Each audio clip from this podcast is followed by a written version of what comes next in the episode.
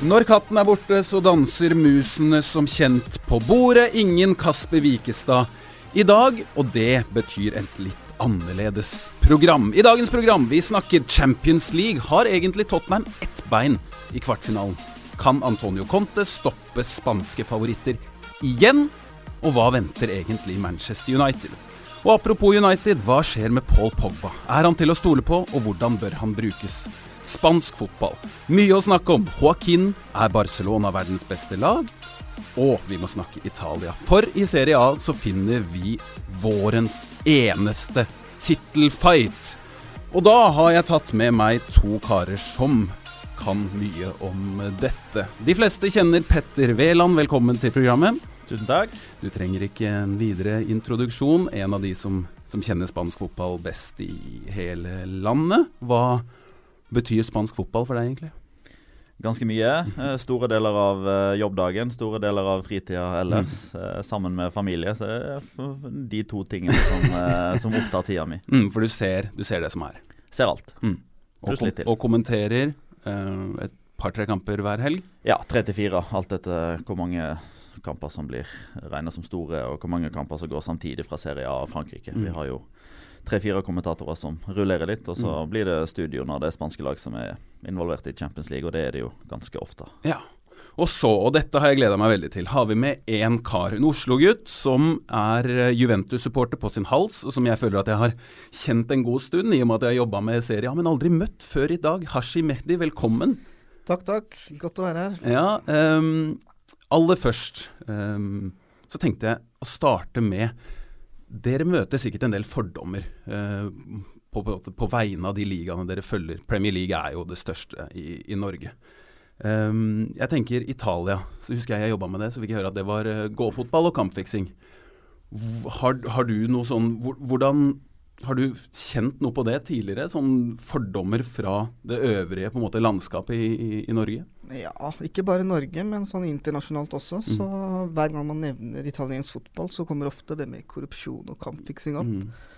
Og du er Juventus-fan, så du hører det sikkert ekstra ofte? ja, for uh, Juventus gjorde meg ingen tjenester, uh, mm. italiensk fotball generelt gjorde meg ingen tjenester i 2006, da det var en mm. stor kampfiksingsskandale. Mm.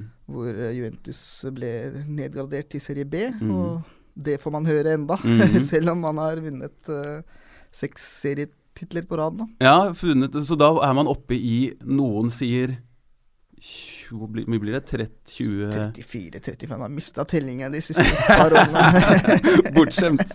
Ja, men fordi det er noen som, noen som, påstår at Juventus skulle miste Hvor mange serietitler var det pga. kampfiksing? Ja, det var den i 2006 som mm. Juventus-fansen mener at de vant på banen. Mm. Uh, det ble fratatt, mm. men senere er det kommet fram at det var uh, flere lag som holdt på med noenlunde det samme, mm. så nå har Juventus egentlig bedt om å få en uh, ny vurdering i saken. Ja. Mm. Men det tar jo lang tid, og jeg tror ikke det er så mange som har håp for at det skal offisielt bli rettet, men Ja, og det, og det som er sikkert, er at Juventus blir sett på i i den saken der som den store stygge ulven, og at det nok var ganske mange klubber som gjorde eh, mye rart. Ja. Mm. Eh, Petter, spansk fotball.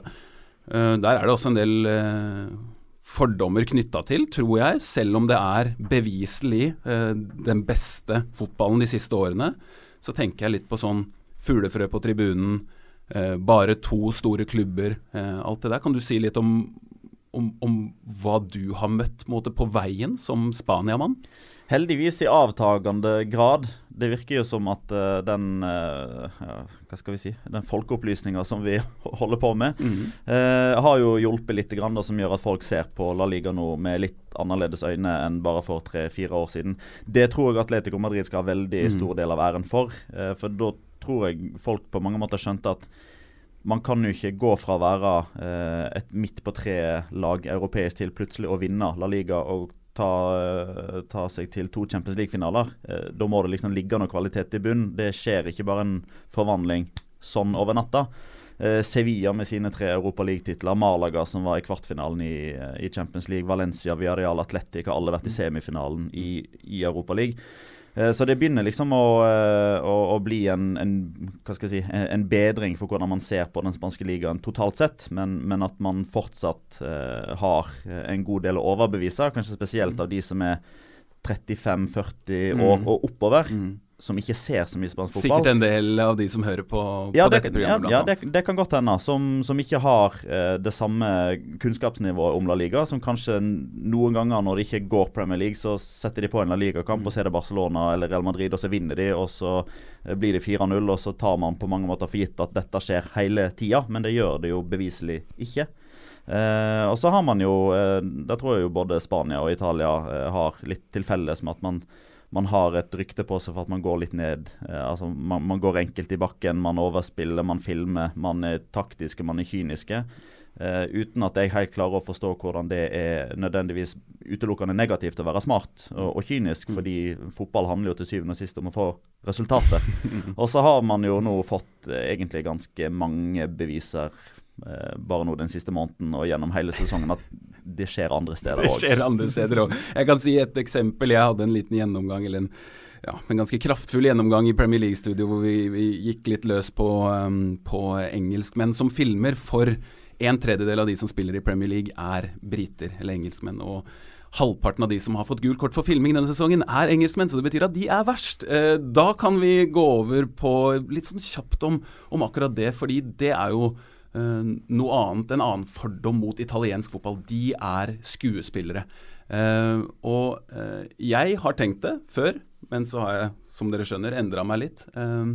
hvordan ser du på hva, hva, er det beste si, hva er det beste du vet med italiensk fotball hvis, kontra den engelske? da, For du, du ser Serie A-kamper som ikke bare er Juventus også, regner jeg med? Ja, det stemmer da.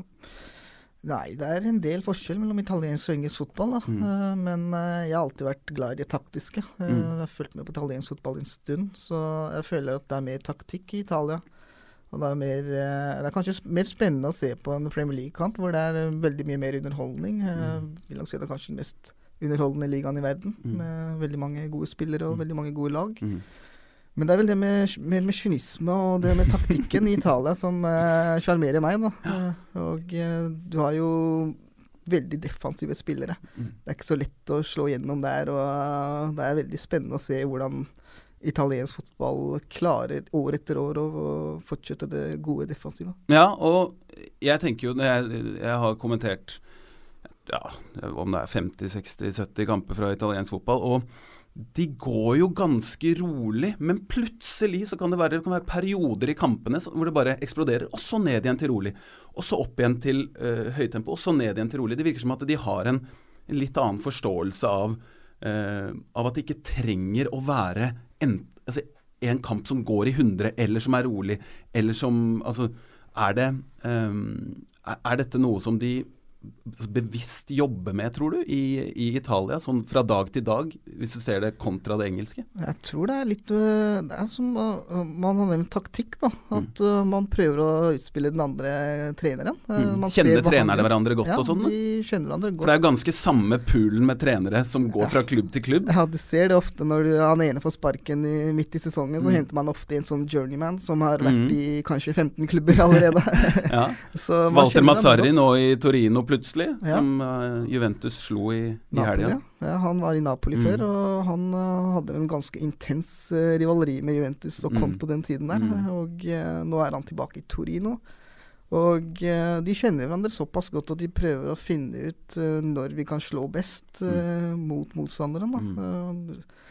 Ser ofte det i kampene, at hvis det åpner seg rom, hvis det ene laget presser veldig høyt, så finner ofte motstanderen en loophole for å komme seg innom. Og det er en bra overgang. Fordi apropos presse høyt, apropos eh, taktikk, så er det så mye forskjellig. Et lag som jeg har blitt veldig glad i, eh, egentlig ikke på ordentlig før denne sesongen, er eh, Real Betis. Som eh, Ja, jeg så, jeg så på jeg så den kampen mot Jeg har sett flere kamper med dem, men jeg har sett dem stort sett mot de gode lagene. sånn mot Barcelona. De står høyt. De unnskyld språket, gir litt faen mm. i, eh, i, konsekvensene. Og det er utrolig gøy å se på. Og nå så jeg den kampen mot, mot Real Madrid, og den første omgangen Real Betis uh, spilte der. Nå går det som det går til slutt. Men kan du si noe om hva, hva, er det egentlig vi ser der? Fordi det så jo ut som at Real Madrid var så altså, de har vært dårlige denne sesongen, men de var ordentlig rysta mot et litt sånn middelhavsfarende lag. Ja, altså jeg har jo pleid å bruke begrepet sjølmordsfotball eh, når jeg skal definere eh, Kikiset igjen, som er Betis-trener, og Paco Remes, som er Las Palmas-trener eh, tidligere da i Vallecano. Og Det som er fellesnevneren for de er at det skåres mål i bøtter og spann. Eh, litt for mye i feil ende. Eh, men det er trenere som i utgangspunktet har som prinsipp at uavgjort eh, i det lange løp, det er ikke noe som de, eh, de, de tar det ikke til seg. Uavgjort ett poeng, det holder ikke. De, de taper heller to kamper og vinner én enn å spille tre uavgjorte. Fordi ett poeng, det, det, det, er for lite. Eh, og det er veldig mye av spillestilen og, og formasjonen og filosofien til Kiki Setien baserer seg på. Den ligner faktisk litt på Guardiola, eh, med unntak av at det er veldig svak risikovurdering, som de sier. Eh, altså Betis spiller på samme måte uansett om det er Real Madrid, om det er Barcelona, om det er Levante eller om det er Leganes. Og Det får han litt kritikk for, men han får samtidig mye ros for det. Ehm, det han får kritikk for, er jo det at man, man ikke tar hensyn til motstander. Eh, man fortsetter å spille samme type fotball selv om man leder 2-1, eller om man ligger under 2-3. Det er pasningsspill. Man skal spille seg ut bakfra. Eh, man skal ta risiko. Man skal ha masse bevegelse. Man skal forsøke å skape rom, med de konsekvensene det får ved eventuelle balltap, som det er ganske mye av. Mm. Men, men det han får ros for, og det som jeg tenker på da, er jo at når man som Real Betis-trener ber spillerne sine eh, gjøre det de er komfortable med mot Real Madrid, mot Barcelona, så kan det hende at det ender med, med tap, sånn som mm. det har gjort nå. 0-5 mot Barca og 3-5 mot Real Madrid. De får null poeng.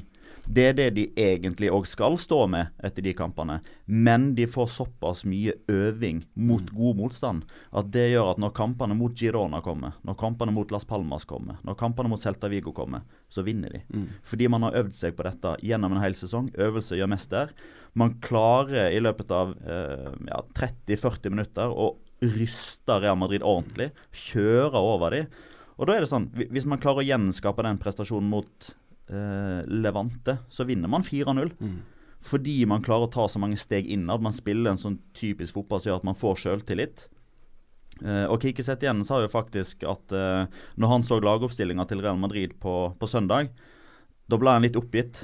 Uh, når han så at det bare var to av BBC som starta. For Det betyr at det var én mindre som juksa i det defensive arbeidet. Så når han så Lukas Vaskes i stedet for Karim Benzema, så ble han sånn ah, Nei, søren òg, nå minsker uh, prosentsjansen for at vi skal vinne.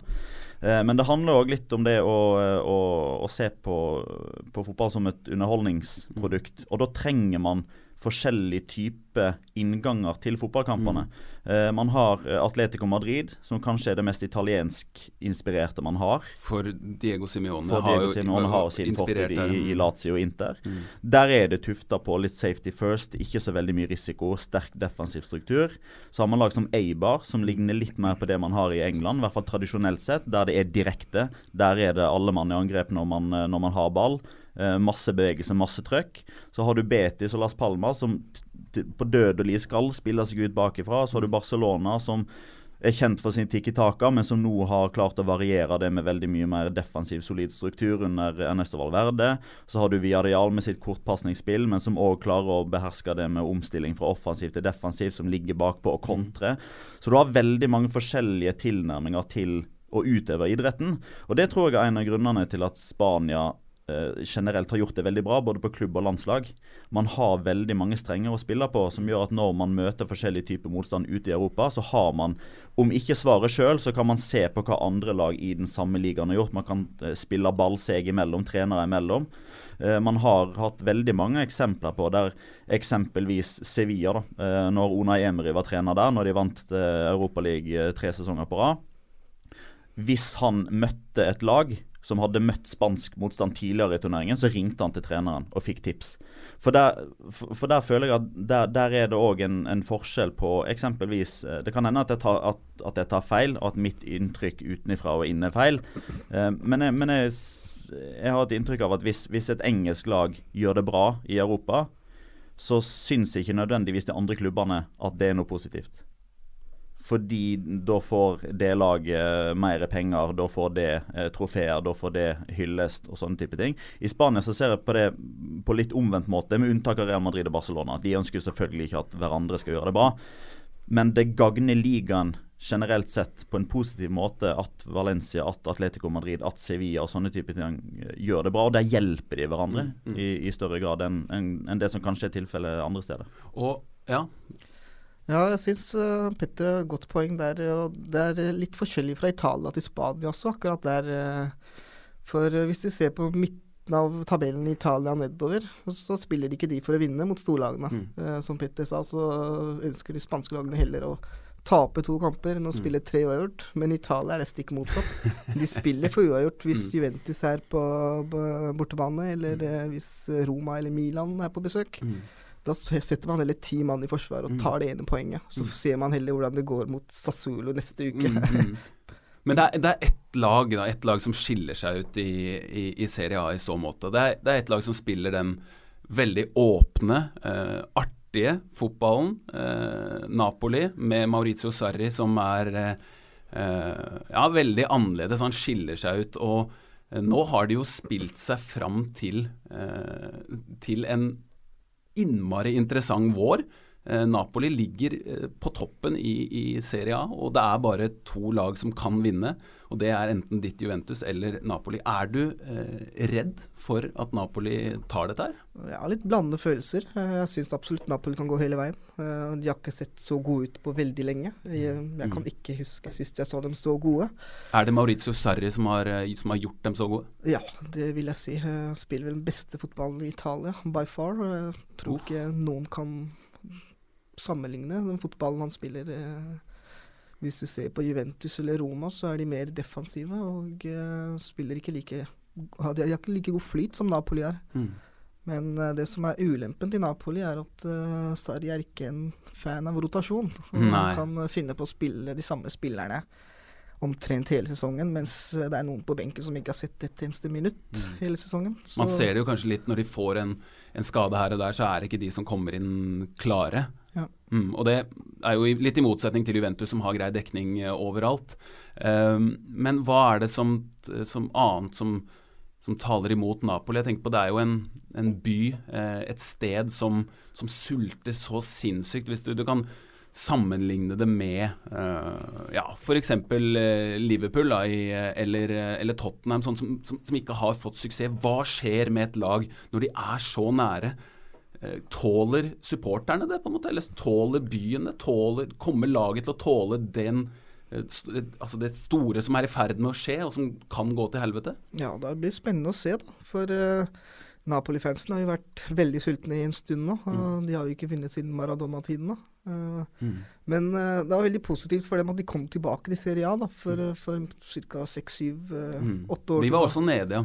Ja, de var også nede, og mm. de klarte å komme seg på Champions League-plassene for sånn syv-åtte år tilbake.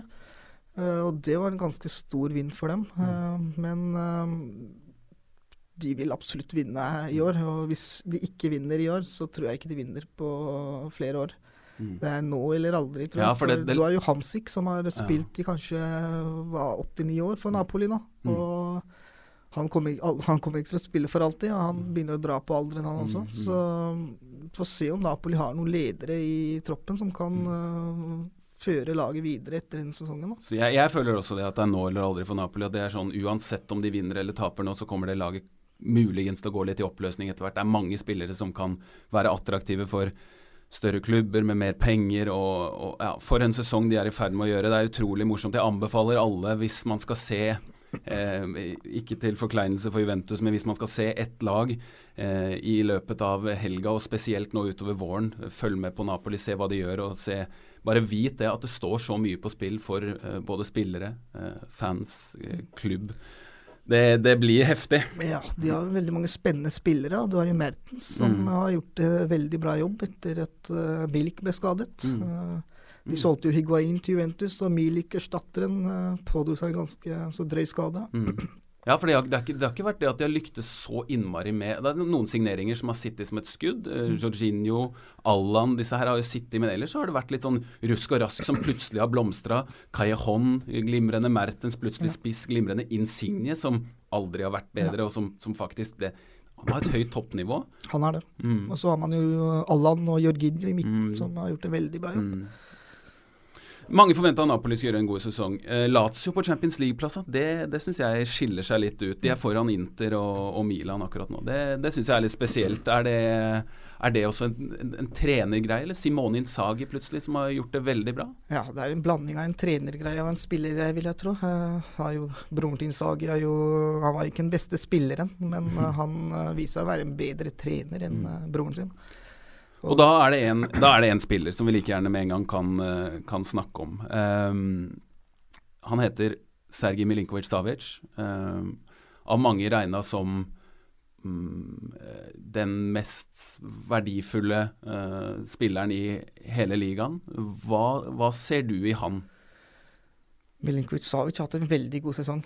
Uh, det som er så bra med han, er at han er fleksibel. Når Lazio spiller 4-3-3, så han, kan han spille i alle posisjoner i midtbanen. Mm. Han er ballvinnende, han er god i luften, han er stor og han er kreativ. Uh, så jeg prøver kanskje å overselge han nå, men han har det meste. Mm. Mm. Og uh, han kan også spille bak spissene, hvis du skal bruke han i en 4-2-3-1. Og fordi vi, vi, har jo mange Manchester United-fans ja. som hører på. Eh, og øh, vi, vi, skal litt inn på, på Paul Pogba også, men han er da eh, Han er jo litt i likhet med Pogba Milinkovic Savic vel en, en, offensiv primært en offensiv, eh, offensiv spiller. Tror han kunne Han kunne ikke ha kunne han gitt Pogba noe mer frihet, tror du det, eller er det en ganske lik spiller? Det er litt lik spiller, men han er litt mer fleksibel enn Pogba. Mm. Og uh, jeg tror han er en spiller som er mer spiller for laget enn det mm. Pogba er. Mm. For Pogba er jo litt mer individuell. Uh, han trenger litt mer frihet. Men en spiller som Melinkovic Savic kan gjerne ta uh, skudd for laget. Mm. Kan sette seg tilbake og bare la Pogba jobbe. Jeg mm. tror han kan absolutt være en god mulighet for United. Mm. Han har kom... snakket om det. Han har uh, sagt at uh, Mourinho er den beste treneren i verden. Og han har flørtet litt med United tidligere i år, så vi får se hvordan uh, Lazio planlegger å beholde han. Da, for det er en spiller som veldig mange lag kommer til å være etter. nå. Ja, og United er den på en måte er jo den, det laget som tjener mest penger, og som, som bruker en milliard hvis de, hvis de finner en riktig spilleren. Bendik Leite spør, eh, han sier eh, Hashim har full kontroll på, på Juve. Hvordan mener han at Pogba burde brukes, og hvilken formasjon får det beste ut av Pogba? Uh, 4-3-3 venstresiden der, så er uh, Indre løper, så skal Pogba være på den plassen han spilte ofte i Juventus.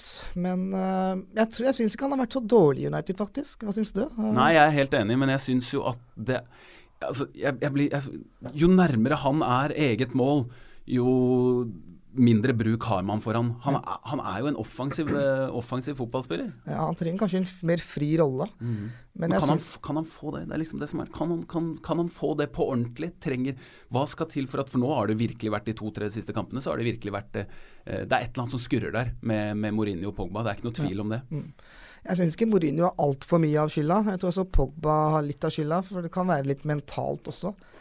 Han har vært god denne sesongen. Uh, han kan være bedre, men jeg syns uh, en ting jeg etterlyser med Pogba, er at han fokuserer litt mer på banen enn uh, det som skjer utenfor banen. Mm. han er litt inkonsistent. Mm. Det må han uh, rette opp i, og det var han i Juventus også, mm. for så vidt. Men det er en stor forskjell da, hvis du, hvis du, drar fra et lag som Juventus, som hadde all, alle mulige slags gode spillere i midtbanen. Han mm. spilte jo med Pirlo, og han spilte med Vidal og Marquisio. Og han var aldri den lederen i midtbanen som han ble i United, så det er en ganske stor forskjell. Mm. Så tror jeg at man glemmer ofte at han er bare var 24 år, han blir 25 snart. Mm. Og eh, når han spilte i semifinalene for Juventus i Champions League, så var han 23-22-23. Og da var han god? Da var han god, mm. og da var han ofte litt kritiske til at han ikke er nok innblandet. Mm.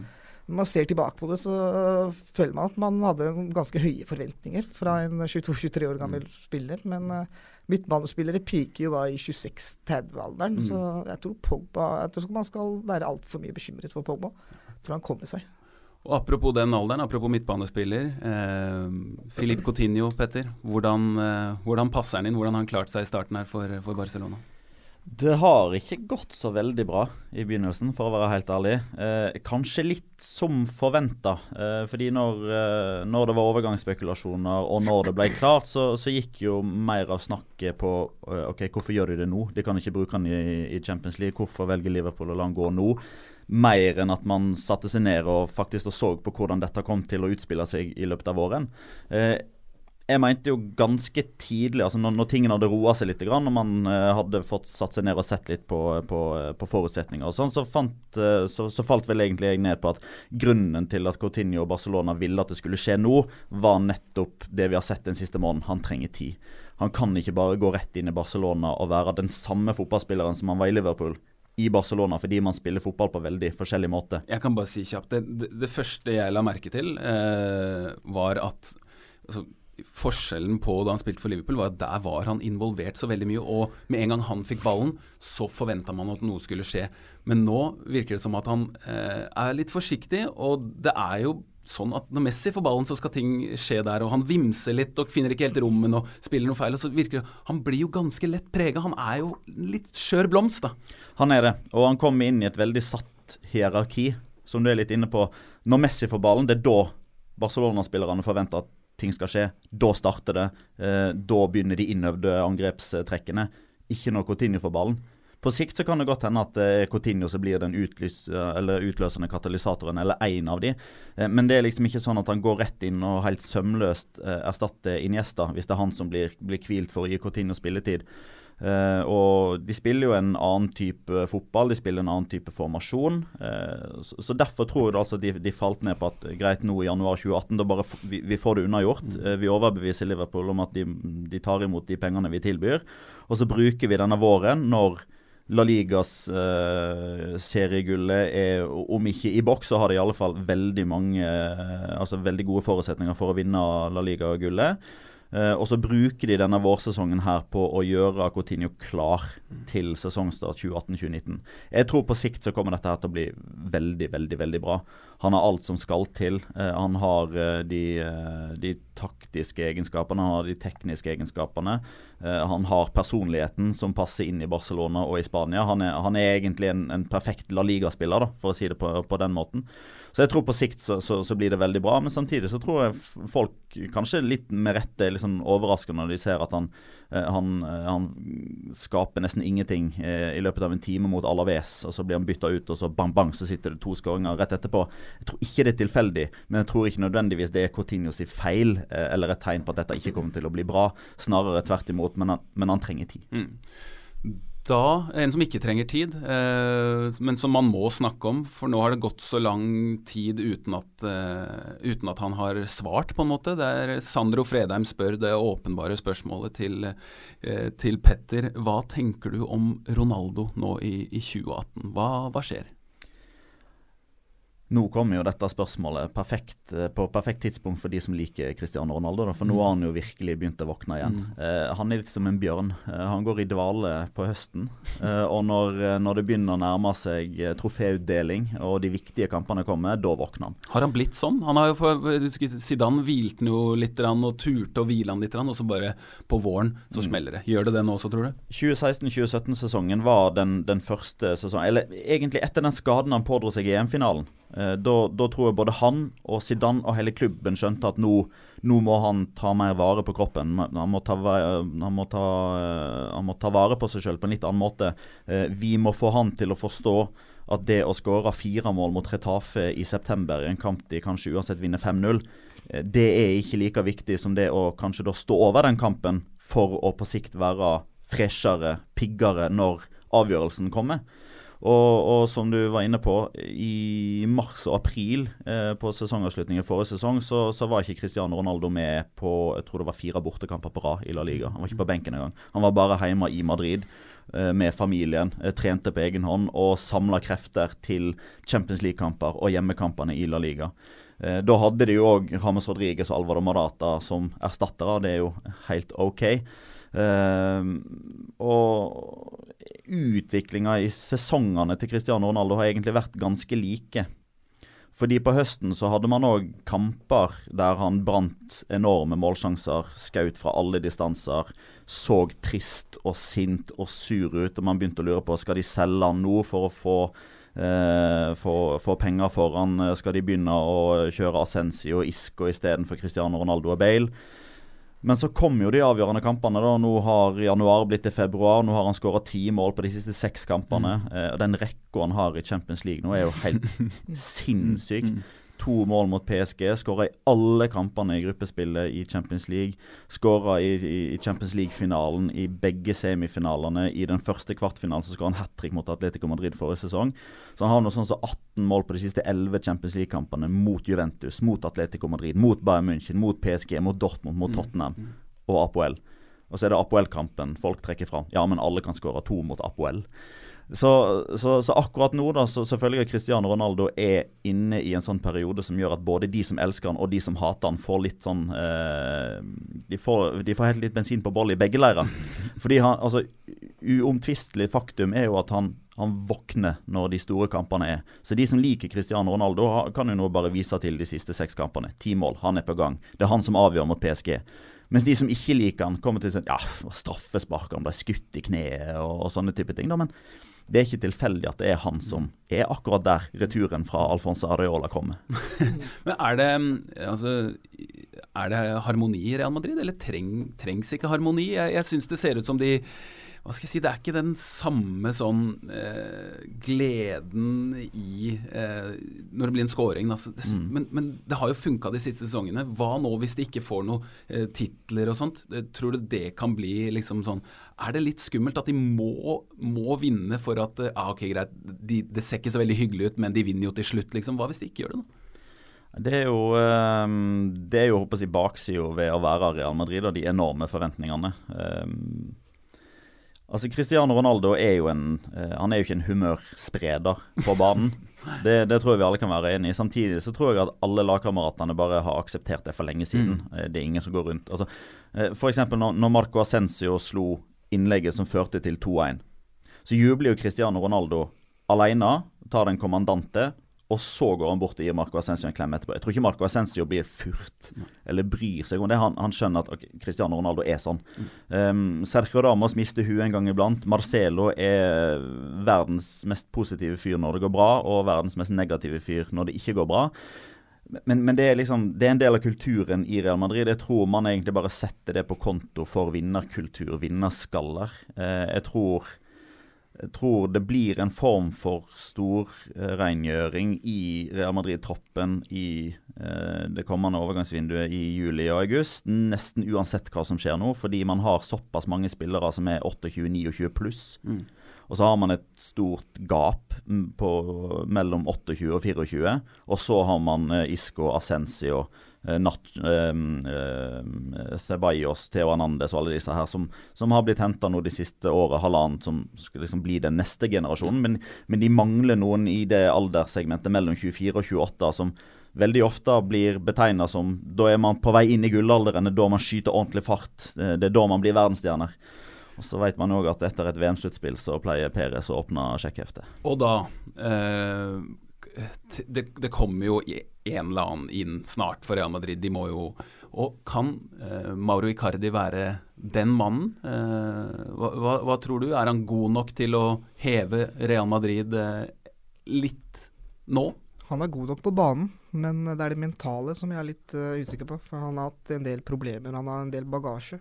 Interspiss, for de som ikke vet det. Han er, uh, sånn jeg ser det, kanskje sånn som avslutter topp fem i verden. Ja, han er på riktig sted til riktig tid. Mm. God på huet, god med begge bein. Veldig god avslutter. God til å bevege seg i, i, i boksen. Eh, kanskje en fyr du har lyst på til Juventus, er det ja, realistisk? Ja, kanskje heller ønsket han overfor Higuain. Mm. Men eh, vi får se hvordan det går med han. Jeg tror ikke han uh, vil bli inntil så veldig lenge om uh, klubben fortsetter som de gjør. For uh, det har blitt tradisjonelt at de har veldig god høstsesong. Mm. Ligger på toppen av tabellen og har ofte to, tre, fire poengs forskjell fra andreplassen også.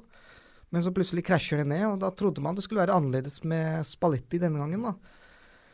Men det gjorde det jo ikke, så Inter gikk kanskje åtte-ni kamper med én seier bare. Og uh, jeg tror ikke det er et lag som er godt nok for Icardi. Mm. Uh, han begynner å bli eldre, og jeg tror han kan vil vinne trofeer. Så jeg tror absolutt at han kommer til å være interessert i tilbud i denne sommeren her. Mm. Men uh, jeg vet ikke om Real Madrid biter på en spiller som har så mye bagasje. En, Hva slags bagasje er det der? det er en ekskone i form av uh, agent, som han er, Mm. som uh, ikke er så veldig uh, lett å jobbe med. Inter har klaget både tidligere, og midt under kontraktforhandlingene um, for uh, kanskje et par år tilbake, så ble hun avbildet med Napoli-direktøren. så da ble, da ble Inter uh, litt sure på det. Ja. Men uh, han har også det med um, godeste um, Maxi, Maxi Lopez. Lopez. Ja. Hvor begge var lagkamerater i Barcelona eh, i en periode. Kom til Italia, og eh, så ble Icardi sammen med kona Han knabba kona og og, og eh, si nesten adop adopterte vel uh, ungene og har en tatovering av Altså, har han ikke en tatovering av, Av barna av til- barna til, til Maxi Maxi Lopez. Ja.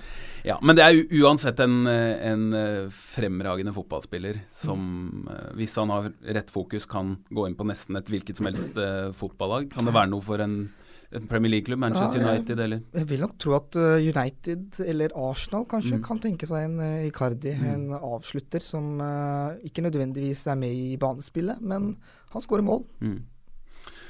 Uh, jeg tenkte det Noe som er litt, litt på siden, litt artig å snakke om. Denne uka, eller før, uh, før helga, så uh, dukka det opp en Netflix-dokumentar om uh, Juventus. Og da, da blir man jo alltid interessert. Og da tenkte jeg det er vel sikkert en, en dokumentar om uh, en sesong som har vært. Men dette her er, er en dokumentar om den sesongen som går nå. Den ligger på, på Netflix. Har du, du har sikkert sett den? Ja, jeg har sett et par episoder. Det er tre episoder som er ute nå. Eh, Det kommer et par til, tror jeg. Mm. Jeg har ikke sett den ferdig, men øh, jeg syns det var veldig bra av det jeg så. Øh, de følger jo laget denne sesongen her. øh, følger ofte en spiller som har gjort det bra i noen kamper. Så viser de litt om familien hans, litt om personligheten hans, og så viser de høydepunkter fra kampen. De går veldig dypt inn i mm, treningene. snakker veldig mye med Allegri. Snakker mye med Buffon. Og eh, de plukker Buffon, eh, hjernen til Buffon veldig, på en veldig interessant måte. Man har ikke sett Buffon på den måten før. Så han er veldig åpen og snakker i detaljer om uh, hvordan sesongen har vært, og hvordan sesongen var i fjor. Mm.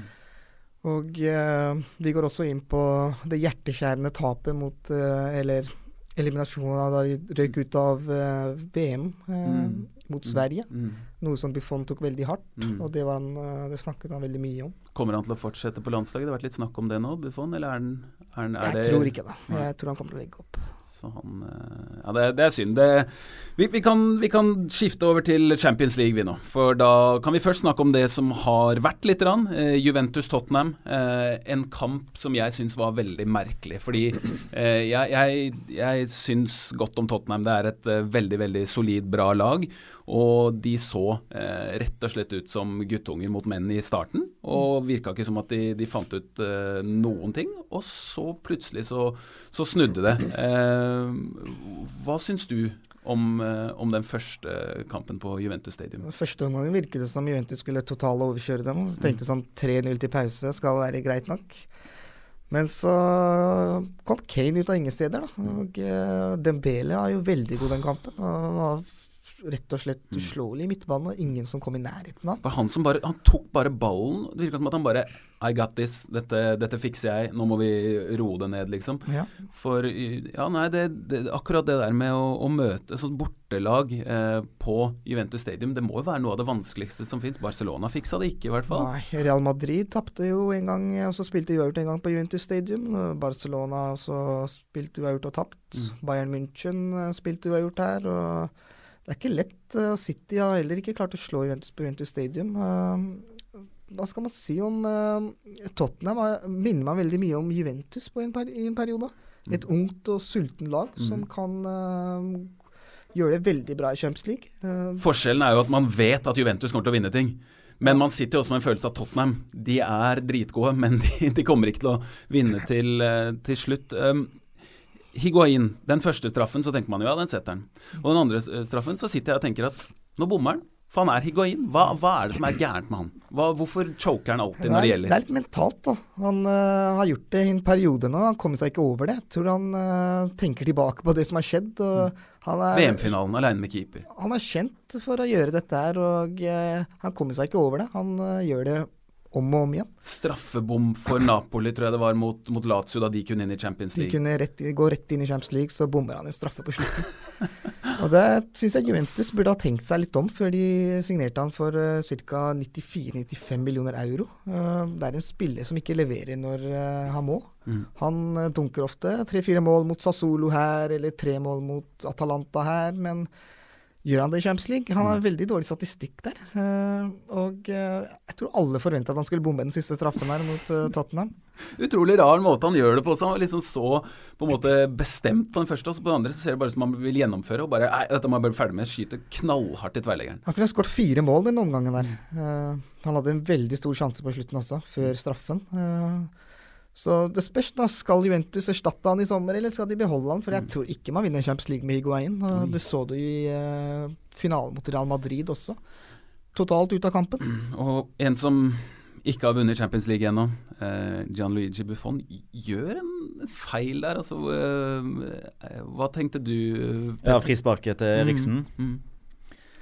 Det var veldig merkelig å se Buffon gjøre den tabben. Han er jo, sammen med Kielini, syns jeg, da de krumtappen som aldri gjør feil. Mm.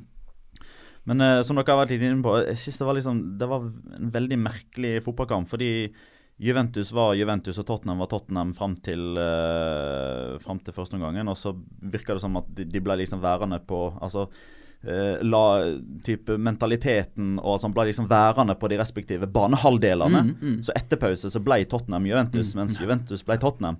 Eh, og jeg er jo først og fremst eh, si, imponert over Tottenham, som da klarer å skåre to mål på et lag som på de 16 foregående bare hadde sluppet inn ett. Og, og det er jo ikke tilfeldig at det er Kane og at det er Eriksen. Eh, jeg syns Eriksen var Altså Fram til han skåra målet, så syns jeg han bidro med ganske lite. Han ble egentlig satt i skyggen av Dembélé. Uh, Kane, bevegelsesmønsteret hans uh, Du har vært inne på det mange ganger i Premier League-studio med mange fine bilder. Jeg ser ingen spisser som beveger seg like bra, like smart, som er så flink i det oppbyggende spillet som Harry Kane. Og, og når utgangspunktet er som det er da med med 2-2, så, så syns jeg at det er, det er liksom eh, fascinerende å gå tilbake og se litt på tidligere resultater og se hvordan har gjort det mot, mot lag som kanskje ligner litt grann på Juventus. Da, og da biter vi å merke at det eneste laget som har vunnet på Wembley denne sesongen, er Chelsea, med Conte. Eh, så det er på, på ingen måte kjørt, men Tottenham la et enormt godt grunnlag når de kom tilbake igjen. og Det, det viser jo mental styrke òg. Når man havner under 2-0 så tidlig på Juventus Stadium, så er det lett å gå litt opp i liminga. Og det forventa jeg vel egentlig litt at skulle skje òg. Eh, men eh, så, så har jeg sett at det er ganske mange som har vært litt sånn kritiske til Allegri. Og at han ikke bare gikk, gikk fullstendig for det på stillinga 2-0. I stedet for så ble de litt mer Jeg vet ikke om det var bevisst eller om det var ubevisst, men de, de trakk seg litt mer tilbake og lot på mange måter Tottenham få initiativet. Fikk ikke tak i ballen fra Dembélé. Det er vel litt typisk italiensk, det da. Å ikke gå fullt ut. Mm. Heller prøve å sikre seg en 2-1 istedenfor en 3-0. Mm. Ja, nei, jeg, jeg tenker jo at dette her er en, eh, en vidåpen kamp nå, da. Eh, har du en dårlig følelse før returmatchen? Jeg tror Juventus har erfaringen som trengs for å snu den kampen. Eller snu og snu, det eneste de trenger å gjøre, er å vinne. Selv om uh, Mm. det ikke er så lett på Wembley. Uh, Tottenham har jo vunnet mot Arsenal og United de siste uh, ukene her. Og vi får se om Higuain er tilbake. Da. Mm. Juventus har jo ingen, ingen, erstatning for han. Eh, hvis man ikke har han, så må man bruke Dybala som Hva er ståa der, hvordan, hvordan ligger både Dybala og Higuain an? Dybala er tilbake. Higuain fortsatt under undersøkelser, og regner med at han er muligens på benken. Eh, håper det i hvert fall. Mm. men Dybala kommer til å bli veldig viktig i den kampen. her. Mm, mm. Um, apropos eh, Tottenham og litt med er det, er det noen av de du nevnte der som kan være aktuelle for Real Madrid? Altså Eriksen, Kane uh, Harry Kane kommer nok til å bli nevnt, eh, så definitivt. Eh, Spørsmålet er liksom hvor mye må de eventuelt ut med. Altså Her sitter jo Tottenham med ekstremt gode kort på hånda. De har jo vært altså, ikke kanskje en farmerklubb for Real Madrid, men altså de, de to største spillerne i Tottenham ja, før Modric dette, Modric og Bale. Mm. Ja, snakk om denne famøse samarbeidsavtalen der kun det ene laget høster frukter. Mm. Og så ser man liksom ikke helt hva som er i det for Tottenham. Men nå, nå har liksom markedet blitt så spinnvilt med, med Dembélé for 150 og Coutinho for 160, Neymar for 222. Når man da har toppskåreren i Premier League, som nå beviselig har vist For to milliarder, vet du, for, for Kane. Ja, eh, og da liksom Uh, Man kjenner jo Tottenhams Tottenhams eier eller direktør som en knalla forhandlingsmann, mm. sammen med Florentino Perez. Det er ingen av de som ønsker å tape ansikt. Så da føler jeg man kanskje eh, sondere terrenget litt. Grann. Eh, man, eh, man, varsler en form for interesse og får kanskje en, eh, en, form for indikasjon på hva man forventer å få i retur. Og så tror jeg egentlig det stopper der. Mm. Fordi jeg tror Tottenham kommer til å kreve så enormt mye for Kane. At Real Madrid føler at den, den akkurat den dansen der blir de ikke med på. Mm. Og man har jo litt lyst til at uh, han bare skal bli og være en det hadde jo vært klubb, veldig fint. klubbspiller. Eh. Klarer de å beholde Eriksen, Kane og, og Dele Alli? Det er jo det som er altså hvis, hvis, de gjør det inn i nye stadion, klarer å overbevise dem, men, men det er jo en sånn evig greie rundt Tottenham, det om de, om de har eh, lojaliteten til spillerne 100% så går det jo bra. Men hva hvis én eh, faller, hva hvis Pochettino slutter, hva hvis eh, Eriksen gir seg? Sånne ting kan man jo ikke. Men, men det der med en, eh, en, med drakt nummer ti som er en Du har sikkert litt sånn med Del Piero, eh, Totti, disse her som bare blir i klubben, samme om de ikke vinner så veldig mye hvert eneste år. Del Piero ble med ned, gjorde han ikke det? Han gjorde det. Mm. Men og, det, er ikke, det, er ikke, så likt i Italia som det er i England, akkurat der med lojalitet til spillere, og en spiller som er veldig lenge på samme klubb.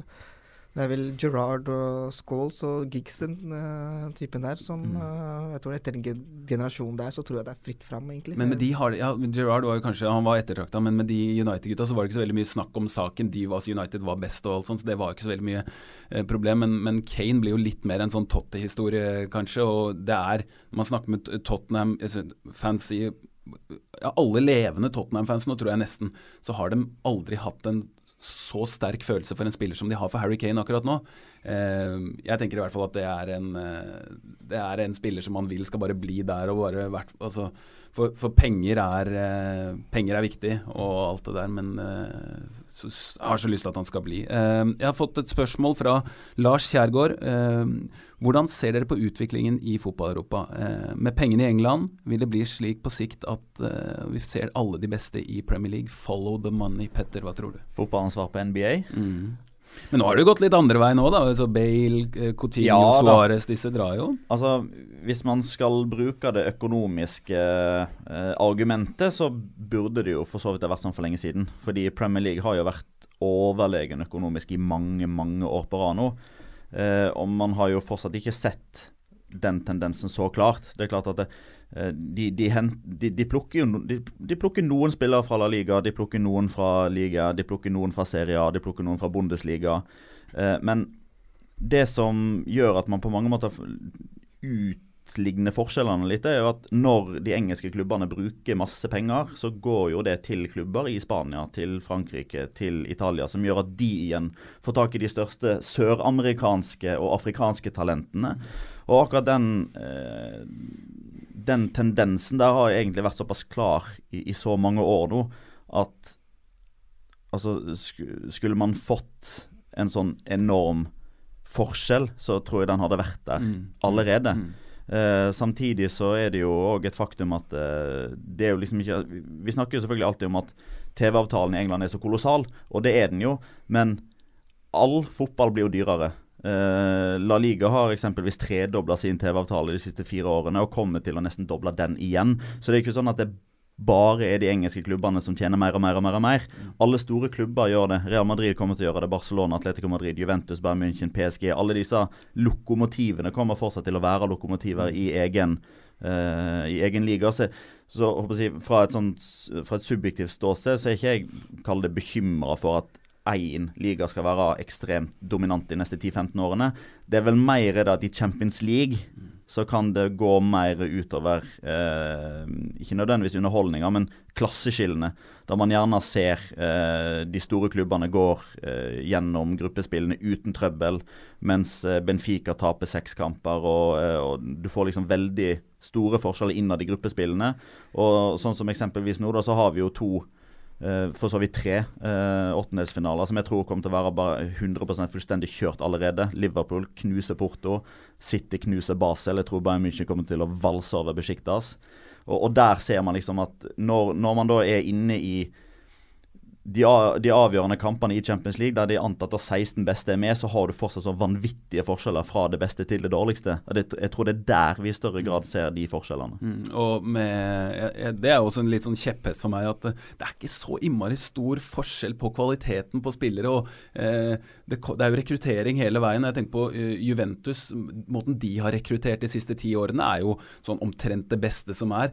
Hadde spillere som eh, Vidal Eh, Pogba, eh, Alexandro, som jeg har veldig sansen for nå, eh, Bentancour Disse er som de bare Dybala som bare blir hent, hadde, de fått, hadde de hatt muligheten i Manchester United, liksom? De, de ikke, United henter jo ikke spillere fra Palermo eller fra, eh, fra de litt mindre klubbene eller fra Sør-Amerika eller noe sånt. Det er jo noe av grunnen til at Juventus har gjort det så bra, rekrutteringen. Ja. De henta fra litt mindre klubber istedenfor å velge fra, fra øverste hylle. Ja, Juventus har hatt en ganske forskjellig strategi når det gjelder overganger. De kan finne på å hente en veteran gratis uh, etter, noen, uh, etter, kontrakten har gått ut. Mm. Og så kan de finne på å hente Dybala for 40-45 millioner euro fra mm. Palermo. På den tiden var det veldig mange som var skeptiske til han. Mm. Han hadde ikke bevist så veldig mye i Palermo, men man hadde sett at han har potensial til å bli veldig god. Mm. Og uh, United har vel kanskje ikke tid til å gjøre sånne signeringer. Fordi United sine signeringer er egentlig forventet å gjøre det bra med en gang. Mm. De henter ofte spillere som har gjort det bra i um, kanskje sånn midten av tabellenlag, som Everton. Mm. Lukaku har jo uh, hentet derifra. og uh, så punger de jo ut uh, for det meste, egentlig. De har jo mm. pengene som de trenger. Uh, så de trenger egentlig ikke å gå etter sånne 30-40 millioner eurospillere i dagens marked. Kommer Juventus til å hente Emre Can gratis fra Liverpool? Det virker sånn. Eh, det har vært veldig mye snakk om det nå. Det er et par agenter i Italia som har sagt at uh, de har jobbet på med den saken. For, på vegne og, og Steven Gerrard var vel, om det var bare en måte å si det på, men i et, et TV-studio her forleden så sa han vel omtrent at Emre Can stikker. Og, ja. eh, og, det er jo litt sånn typisk Juventus-business, da. Ja, han er vel forventet å ta over for Kedira i midten. Uh, midtbanen til Juventus begynner å bli litt gammelt og slitent, egentlig. Mm. mm. trenger et par forsterkninger og ungt blod der. Mm. Eh, da går vi videre til det som komme skal. Da. I dag er det tirsdag, og i kveld så spilles det en ganske så svær og fin match på Stamford Bridge. Juliano Belletti Derby har jeg skrevet her. Men han har jo faktisk avgjort en, en Champions League-finale. Men ja. uh, uansett, Chelsea-Barcelona. Uh, dine forventninger, Petter? Store. Um, husker jo selvfølgelig alltid tilbake til 2009, uh, som man alltid blir uh, minnet på. Vi har for øvrig en uh, reportasje med Øvrebrød i kveld, der han forteller litt om, om de sakene der. Messi har jo aldri skåra på Chelsea. Åtte kamper har han forsøkt på. Han har aldri skåra på Tibor Courtois. det er vel seks kamper han har forsøkt. Han har ikke skåra sine fem siste kamper for Barcelona. Forrige gang han gikk målløs av banen seks kamper på rad, var i 2008. Eh, så det aller meste tyder jo på at de tre statistikkene ryker i kveld. Mm. Uh, og, men, men, Barcelona har ikke sett bra ut de siste ukene. Det har gått i perioder uh, opp og ned for Barcelona denne sesongen. Starta helt skrekkelig med de to kampene mot Real Madrid. Da trodde man jo at uh, denne sesongen her kom til å bare være drita kjedelig fordi Real Madrid kom til å være så overlegne, men så snudde jo dette helt. veldig mye pga. de trekkene som Ernesto Valverde har gjort. Hvilke trekk er det? Han har gjort de mer kompakte, mer solide. Uh, han spiller veldig ofte med fire midtbanespillere, som i utgangspunktet er best sentralt.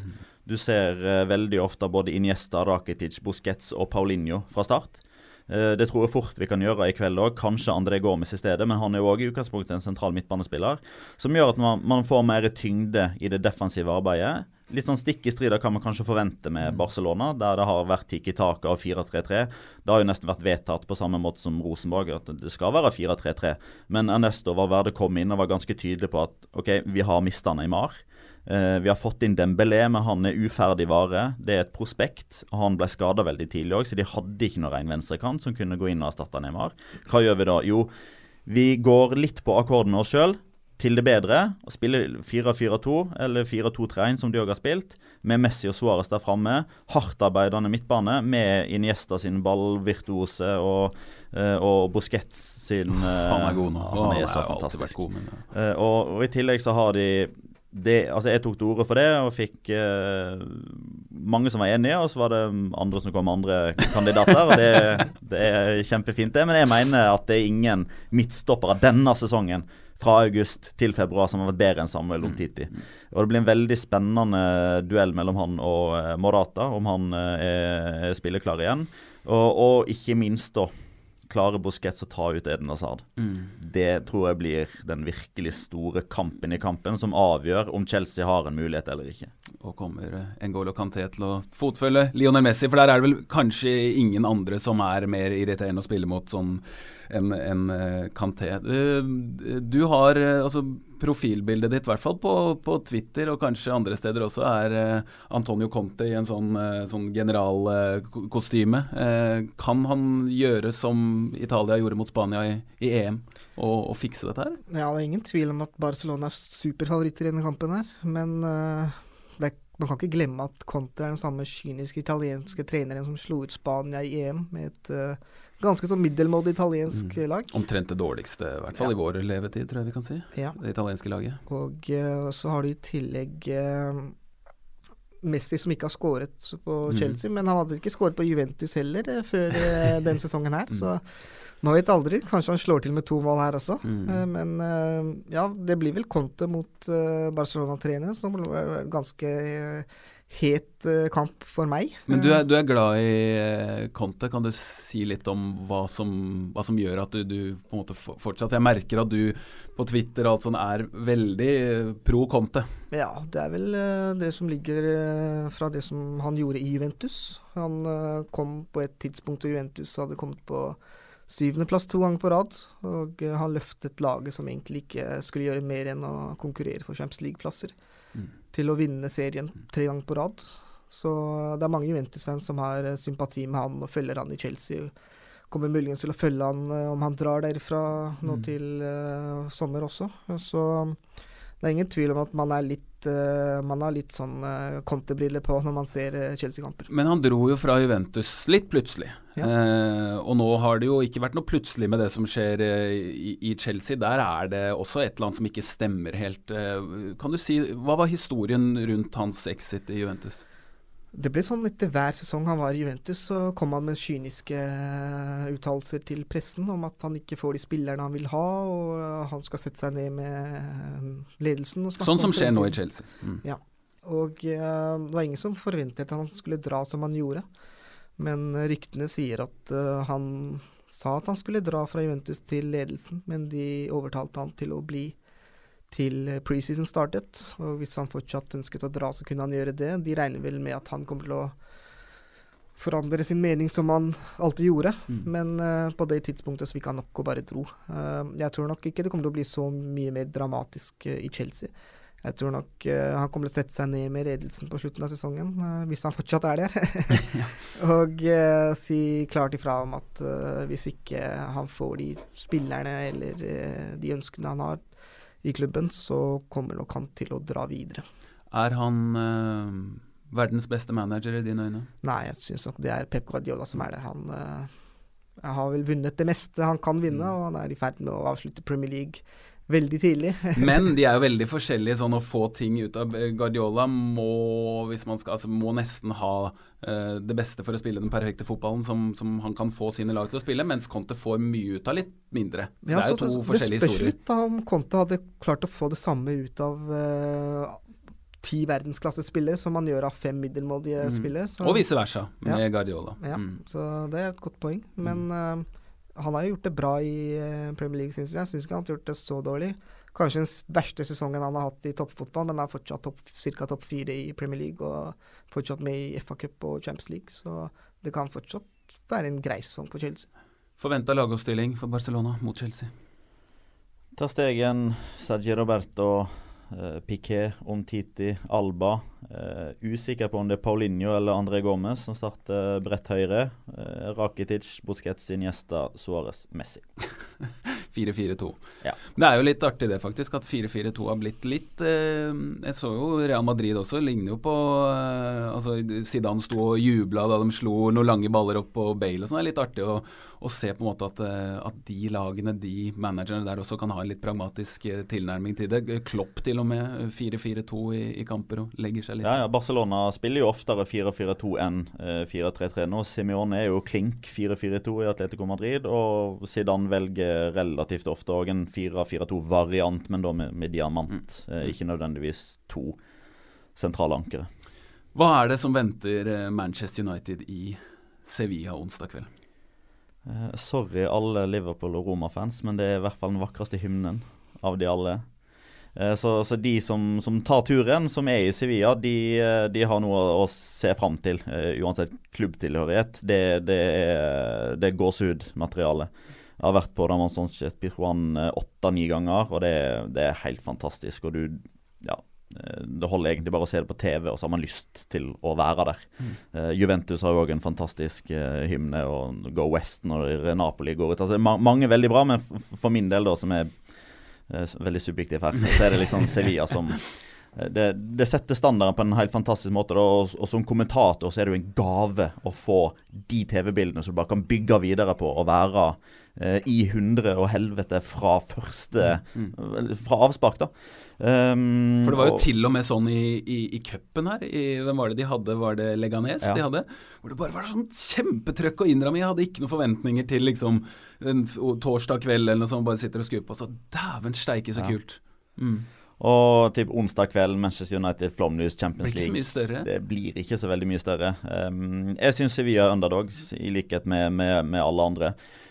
Men vi snakker kanskje det beste cuplaget i eh, Europa de siste ti årene. De har tatt seg til ni finaler siden 2006. Eh, de har vunnet åtte av de.